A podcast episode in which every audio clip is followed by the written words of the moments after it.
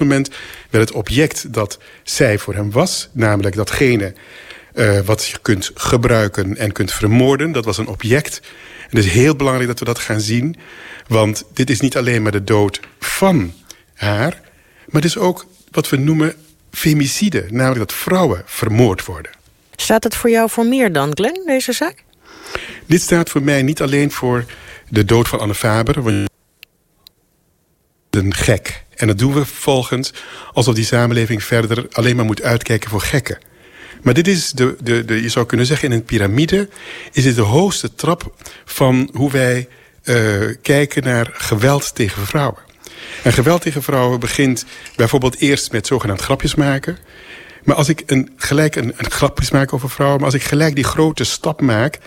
dan um, weten we dat in Nederland, als het gaat over seksueel geweld of geweld tegen vrouwen... dan is de helft van de gezinnen in ons land maken dat mee. Mhm. Dus het gevaar wat er is, is niet alleen maar op straat... maar het is gewoon in de gezinnen. En het topje daarvan is moord.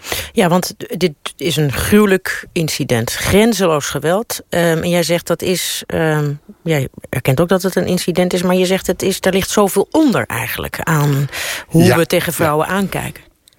Ja, het is, het is heel belangrijk dat we dit niet als incident zien... en niet zien dat dit een zaak is van iemand die psychiatrisch is. Want dan denken we, wanen we ons in een wereld van veiligheid... maar we moeten kijken naar hoe onveilig we omgaan met vrouwen in deze samenleving. Niet voor niets is die hele MeToo-kwestie aan uh, bod gekomen. Die MeToo uiteindelijk, als het sprake is van vrouwen die gemolesteerd worden... het gaat niet alleen maar daarom. We weten dat als het gaat over geweld tegen vrouwen... dat in het ultieme, in de top van de piramide... zit moord op vrouwen. Mm. En dat moeten we met elkaar gaan bekijken. Maar welke structuur ik... uh, ligt daaronder, Glenn? Want je, je tipt nu iets aan. Uh, ja. Een bepaald beeld wat, wat er bestaat van vrouwen. Hè? Een, een bepaald geweld. beeld wat er bestaat van vrouwen, ja. En, en wat voor structuur uh, geef je hier? Wat ligt hier achter? Weet je, het woord dat wij gebruiken is seksisme. De, de wereld waarin we leven, waarin de man het voor het zeggen heeft... en de vrouw op de tweede plaats komt en geen gelijke rechten heeft. En we doen in Nederland alsof vrouwen uh, dezelfde rechten hebben. Maar ook in Nederland weten we dat we nog heel veel moeten doen... aan de gelijkwaardigheid tussen man en vrouw. En als we kijken wat er in de opvoeding gebeurt... zien, zien we dat we kleine jongetjes, en ook kleine meisjes... maar kleine jongetjes groeien op en die denken dat ze een bepaalde mannelijkheid moeten tentoonspreiden. En mannelijkheid op zich is niet erg. Maar wanneer de mannelijkheid giftig wordt... wanneer je denkt dat je de baas bent... wanneer je denkt dat de vrouw seksueel zich aan jou moet onderwerpen... en doet ze dat niet... dat je dan uh, maar iets met haar mag doen. Bijvoorbeeld geweld plegen. We hoorden het ook in het verhaal van deze uh, Michael P. Mm. hoorden we ook dat hij eigenlijk suggereerde... alsof toen zij tegenstand bood... alsof hij dan het recht vond om dan vervolgens iets te doen. Dus op het moment dat zij menselijk werd... op het moment dat zij zei ik wil het niet... op het moment dat zij zei ik ben een mens... door te reageren werd hij boos... want hij wil haar alleen maar tot object hebben... wat hij kon gebruiken in zijn fantasieën.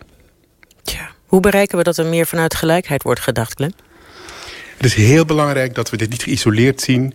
Maar ik denk dat het woord seksisme, waar heel veel mensen moeite mee hebben... de rol die mannen spelen in de samenleving... de wijze waarop we mannen opvoeden...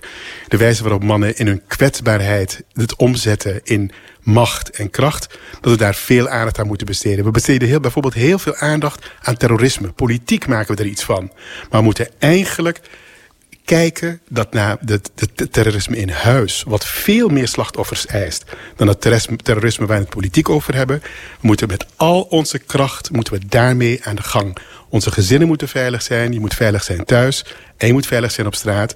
Maar we weten dat dat begint in het gezin. En we weten dat de omgeving daaromheen, school en de samenleving... daar heel erg hard hun best moeten doen. We moeten dit dus niet zien als incident.